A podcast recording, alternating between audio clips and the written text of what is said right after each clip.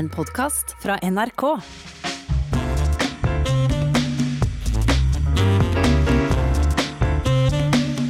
Kong Olav var hellig overbevist om at det var den tredje verdenskrig som brøt ut, og den ville han ikke være med på.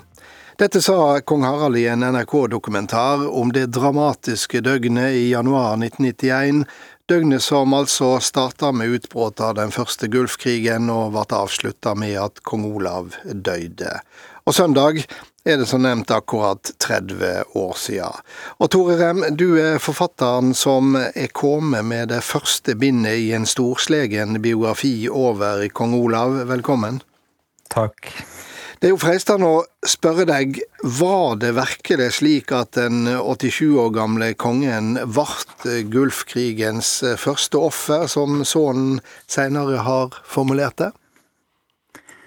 Ja, Det er selvfølgelig vanskelig å si sikkert, men det som er sikkert, er at Olav var tydelig engstelig, og at han fulgte veldig tett med på begivenhetene. så det er det flere rundt han som rapporterte om. Ja, det siste døgnet kong Olav levde, da hadde han vært på kontoret sitt. Han hadde lunsj på Kongsseteren med stortingspresident eh, Jo Benkow. Ja, det ble til og med en liten konjakk til kaffen på Majesteten, skriver eh, Jo Benkow. Men så får altså kong Olav et hjerteinfarkt mens han i peisestova på Kongsseteren følger utviklinga i krigen, rapportert på TV. Ja, eh, det stemmer. Og da går det relativt raskt, og han dør da i løpet av kvelden. Men dette har jo pågått fra et, et døgns tid. Da, at han har vært veldig opptatt av å følge med på TV-nyhetene og, og, av å diskutere dette med, med folk rundt seg. Ja, for vi har jo glemt det i dag, men det var jo veldig mye frykt i akkurat den tida. Eh, den irakiske eh, autoritære lederen Saddam Hussein han hadde truga med å sette verden i brann om å ha vært angrepet. Det viste seg å være tomme ord, men det skapte jo ei uhyggelig stemning også her i Norge. Det gjorde det, og jeg tror jo ikke minst for de som eh, hadde opplevd eh, den verdenskrigen, eh, den andre verdenskrigen, og for en mann som kong Olav, så er det klart at det, det var en helt definerende opplevelse. Og bare tanken på at noe lignende skulle skje igjen, må ha vært veldig sterk og fryktinngytende for han. Kong Olav ehm, hadde en uhyggelig følelse av å gjenoppleve det som skjedde i 1940, skriver eh, Jo Benkow. Ja, det er altså igjen, dette er jo til dels noe man må spekulere i, men, men uh, hans reaksjoner det døgnet kan, kan tyde på det. At, at, det var noe han vendte tilbake til. Og Benkow var jo da til denne siste lunsjen. Og baserte vel også sin fremstilling på, på den samtalen. Eh, så, så det, det, virker veldig troverdig. At han, at han, kjente på noe av den samme angsten for hva som kunne skje. Og, og, og dette har jo vært et engasjement siden krigen for, for kong Olav. Eh, dette med å oppnå verdensfred. Han kommer stadig tilbake til det i sine nyttårstaler og håpet om en endelig fred, og, og frykten for krig under den kalde krigen. Altså, Vi er jo alle prega av vår generasjons eh, opplevelser. og Tror du vi ikke helt skjønner i dag hvor djupt den annen verdenskrig preger den generasjonen som opplevde den? Ja, det, det, tror jeg er vanskelig for oss. Eh, det, det, er det mange debatter i vår tid som kan tyde på. At det er vanskelig for å forstå forutsetningene for hvordan de tenkte, og, og, og, og hvor radikalt og gjennomgripende det var. også for eh, nordmenn å, å, leve i et okkupert Norge i det som var et, tross alt var et eh, terrorregime, et diktatur. Eh, så, så det, det, er, det, er, det vanskelig å sette seg inn i. Eh, og for den generasjonen så er det klart at dette var sterke ting som opplevdes som veldig nært. Og eh, kong Olav hadde jo opplevd dette som kronprins. Han måtte flykte hals over hode sammen med familien sin. Han hadde eksilår i, i, i London. Måtte være veldig definerende for den han ble etter krigen. Ja, jeg tror det er vanskelig å overvurdere den krigserfaringen for hans liv. Altså Man kan si at han han gikk i 37 år og venta på å få noe eh, meningsfullt å gjøre. Han klagde over denne kronprinsrollen som var så lite definert. Og så kommer krigsutbruddet, og så blir han kasta inn i begivenhetene. Eh, og eh, han opplever at han finner en rolle. Så i tillegg til at at dette selvfølgelig er et, en påkjenning eh, og, og, en forferdelig opplevelse. Eh, det fører også til eh, eh, fravær fra familien i store deler av, eh, av, året etter et dramatisk felttog i Norge eh, og eksil. så i tillegg til det, så, så er det klart at dette blir jo også noe han han, finner en rolle, han blir jo til og med forsvarssjef på slutten av krigen. Og etter krigen så er det dette han forvalter? Altså, vi vet jo alle at uh, krigen ble utrolig viktig for det norske monarkiet og for å si, trygge dets stilling. Det ble jo en slags bekreftelse av kongevalget i 1905, kunne man si. Uh, at, at, de kongelige valgte rett under krigen.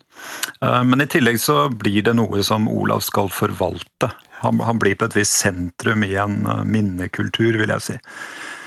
Og så opplever... Og dette, dette, er helt fram til den siste våren, hvor det er store i 1990, da, hvor det er store jubileer. Um, og etter ja, 50-50-årsjubileum for uh, krigens utbrudd. Og da setter han inn en voldsom innsats den våren, uh, og blir så syk. Så det er jo da han får et første infarkt og får et slag, da, som for så vidt gjør at han er syk uh, og svekket. Eh, resten, resten, av livet de neste månedene fram til januar. Og så opplever han altså et krigsutbrudd eh, som, som, da ifølge kong Harald var, var medvirkende i alle fall til, til at han, han vil ikke være med på, på, på, dette. Og Kristi Marie Skrede, du er også med, og som journalist her i NRK så har du fulgt eh, kongehuset tett. Og dette med skifte av konge, det er en helt spesiell hending i et monarkis eh, historie. Og vi har jo ikke hatt mange av de her i Norge i moderne tid. Nei, eh, i 1991 var det jo det tredje, og det var jo et et eh, vendepunkt for, eh, for landet, eh, som kom på i ei tid, som dere har snakka om, om krigen, men nordmenn var jo òg i ei krevende tid med økonomisk og med arbeid, høy arbeidsløse, og så kommer alt dette her på en grå januardag, så det var virkelig et vendepunkt. I 1991, da var du ei ung jente. Hvordan husker du den dagen, 17. januar? Ja, jeg var faktisk i Oslo. På den tida bodde jeg på Nordfjordeid og jobba i lokalhuset Fjordabladet, for jeg eh, lurte veldig på hva jeg skulle bli til når jeg ble stor. Men jeg var i Oslo og besøkte søstera mi, og vi eh, fikk jo med oss nyhetene, og gikk faktisk ned på Slottsplassen med, med noen eh, stearinlys som vi fant i skuffa på hybelen til søstera mi.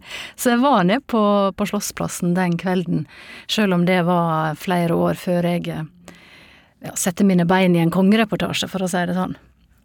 Ja, og Nå har du jobba med det svært eh, mye, så var det da du fant ut hva du skulle vært når du var stor? Nei, det var langt, langt fra det.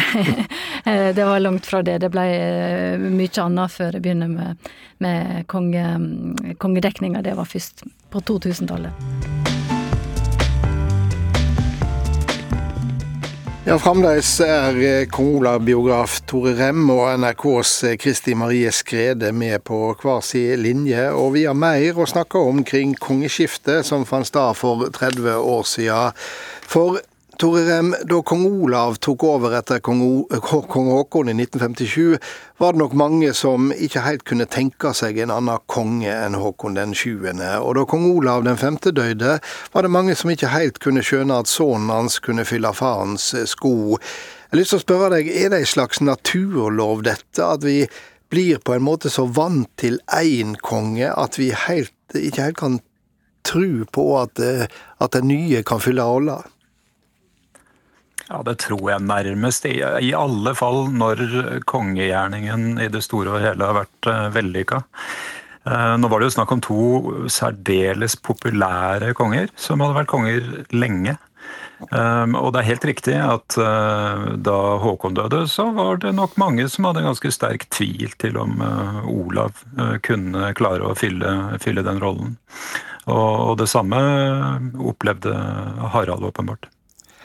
Ja, Kong Harald hadde også fortalt Ope om at han var livredd Kristi Marie Skrede.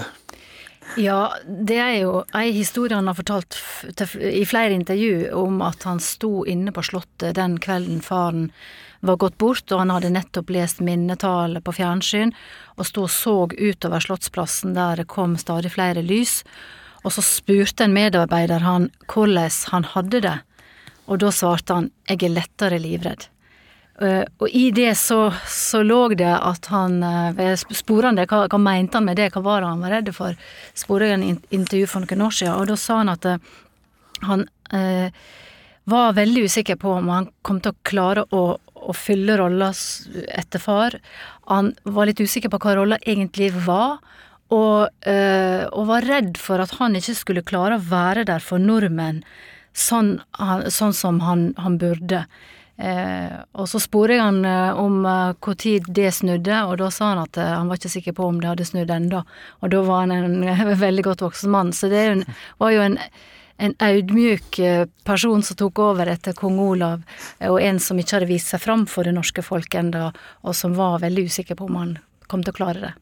Ja, fordi han sier jo fremdeles det at den redsla ikke helt har gitt seg sjøl nå når han står så enormt sterk hos det norske folk. Men han legger vel også til at han syns kanskje det er sunt å ha den tvilen eh, i den rolla han har? Ja, og eh, nå, nå, sitter vi jo med fasiten. Han er jo en usedvanlig populær konge. Eh, men i 1991 så kjen, tror ikke jeg nordmenn kjente så veldig godt til han. Han var seileren da han hadde vært ute på en næringslivsdelegasjon rundt omkring i verden, men, men markert seg så my mye hadde han kanskje ikke gjort. Og hadde kanskje ikke den sjarmen som faren eh, spilte på, eller som, som, han, som han var så kjent for, folkekongen Olav, så det, det, det tok jo du, blir, du arver ikke eh, folkets tillit og fol folkets kjærleik, den må du jo vinne sjøl. Eh, og så gikk det jo ikke så lang tid før han klarte det, da, kong Harald. Men det er jo litt interessant dette, Tore Rem, fordi at du eh, nevnte jo at kronprins Olav gikk i mange år og egentlig var misnøyd og klaga litt over at han ikke slapp til i kronprinsrolla. Og, og eh, det er kanskje ikke ei rolle heller som er skapt for å overstråle eh, majesteten. Eh, det er vel også sånn at enhver ny konge må skape sin egen rolle i blandinga av eh, tradisjon og fornying? Jo, det er klart. Og um, etter hva jeg forstår, så, så var det jo ikke noe de snakka snakka mye om heller. Altså, Olav var nok han var et veldig tydelig forbilde, men Harald lærte gjennom å observere. Eh, samtidig så var Olav et, eh, kanskje nå også et eh, fryktinngytende forbilde. Han hadde en voldsom autoritet, og det var nødvendig for Harald å finne sin egen rolle. Det er ikke noe tvil om det. Og da da handla det jo både om brudd og kontinuitet, så vidt jeg kan forstå, men eh, nok mest kontinuitet. Men det er klart at man satte jo i gang med et slags moderniseringsprosjekt nokså raskt eh, ved Slottet. Og, og, og, kong Harald er nok også en temmelig annen type enn sin far. Um, hva skal vi si, kanskje litt mindre autoritær enn det Olav eh, framsto som, i hvert fall. Litt mindre konservativ og kanskje jevnere som, som personlighet. Og da, det, det, det, det, ga jo også konsekvenser for hvordan han agerte i, i rollen, selvfølgelig, og hvordan den ble formet eh, rundt ham. Søndag så begynner det her i NRK en stor serie kalla Rex-faktor om kongeparets reise for Norge, altså representerer Norge. Og Den er det du som har ansvaret for, Kristi Marie Skrede. I arbeidet så har du gjennomgått store mengder oppdrag fra disse 50 reisene til 46 land gjennom 30 år. Hvordan kan du se at kongen har forandra seg i måten han opptrer på? Jo, vi ser jo Vi, vi har bilder ifra den natta han ble konge, og vi ser ham sitte og bite seg i leppa før han framfører noe stakkato, denne minnetalen for far sin. Og så begynner han å reise ut i verden, og, og er i starten uh, usikker og veldig tradisjonell i måten han gjør det på. Men så ser vi utover 90-tallet at han ganske fort begynner å og markere seg mer. Og kommer vi til 95 når de er i USA, så er han jo rett og slett på heimebane og, og framfører talene bedre, er rene standup-komikeren, og håndterer òg eh, vanskelige spørsmål om eh, striden om norsk hvalfangst og de dilemmaene som, som Norge sto opp i i møte med verden. Håndterer de eh, trygt og godt. Eh, så vi ser veldig tidlig at, eller en rask utvikling til at han blir en tryggere konge. Og så har jo han en veldig fordel. Han er ikke bare én eh, når han reiser ut, han har med seg dronning Sonja, og det er et team som reiser ut for Norge. Og, og, og kong Harald har aldri i sin gjering eh, latt det være et one man show. De har vært så likestilt som de kan være som konge og dronning, og, og gjort et stort poeng av det. Ja, da, Han har vel også klart gitt uttrykk for hvor mye det har betydd for han. Men eh, da kong Olav døde 17.4.91, eh, så sto han jo veldig sterkt. Eh, han var kalla folkekongen. Det er jo et begrep en ikke arver, Kristi Marie Skrede. Eh, det må en gjøre seg fortjent til. Men det kan vel trygt sies at den ærestittelen også er vårt kong Haralds? Eh, mitt inntrykk er at folk ser på kong Harald som en folkekonge i veldig stor grad, og at han er en nærere og mer personlig konge for, for nordmenn eh, enn det jeg hadde inntrykk av da at eh, kong Olav var, uten at jeg kan bedømme det eh, så godt. Men eh, han er nær konge for folket sitt i dag, eh, kong Harald. Tusen takk for at det to ville være med på å reflektere rundt dette. Tore Rem og Kristi Marie Skrede. Og så runder jeg av med min faste kommentar. Her er denne vekas Stang inn, stang ut. Det er knapt noe overdriving å si at vi følger det som skjer i USA, nærest minutt for minutt. Det som skjer der angår jo oss jo på mer enn eitt vis, angår oss fordi vi ser verdens viktigste nasjon og vår viktigste alliert i ei demokratisk eh, krise. Det er skrevet så mye om Donald Trump at det kan fylle et bibliotek, eller kanskje to. Og mer skal det nok verte når presidentperioden hans eh, kommer på avstand. Kjerna er likevel hvordan én mann så til de grader kan snu opp ned på alt vi trodde vi visste om politiske spilleregler og politisk folkeskikk. Hvordan brutal retorikk kan sette store folkegrupper i brann og hvordan heiderlige amerikanere let seg forføre til noe som ligger så på sida av et velfungerende demokrati. Forklaringa er sammensett. Den er ofte det.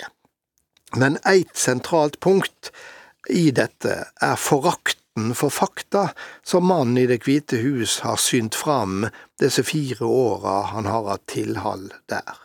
For uten semja om noen grunnleggende fakta, så faller et samfunn på et vis fra hverandre. Da lever vi ikke i den samme virkeligheten, og vi agerer derfor som om vi levde på hver vår klode. Dette er noe mer enn polarisering og ulikskap. Det stikk djupere, og det var dette som resulterte i storminga av Kongressen førre veke. Enkelte kaller det et forsøk på statskupp, og litt eh, sleivete sagt så går det vel an til å eh, si at i så fall var det heller ynkelige greier. Men det viste hvor langt ut på kanten USA er kommet etter fire år der de groveste skjellsord er nytta for å hamre inn et fiendebilde innad i sin egen nasjon. og der alle med ei anna mening enn presidenten er latterliggjort eller æreskjelt som kommunister, kjeltringer og det som verre er, og det av mannen som rår over den mektigste talerstolen i verden og når ut overalt. I starten så kanskje mange av oss ei viss underholdningsverdi i dette. Nå ser vi hvordan det har endra et stort, viktig og oppegående land. Hvordan det har forført millioner av solide amerikanere til å tro på ei virkelighet uten rot i fakta, ja, uten rot i virkeligheten. Oppkonstruert av en mektig mann uten hemninger. En som uten respekt for betydninga av det minimum av fellesskap som et demokratisk samfunn er avhengig av. Det ligger ei lekse å lære her, ei lekse i hvor skjørt et demokrati kan være, og hvor avgjørende det er å ta vare på det. God helg.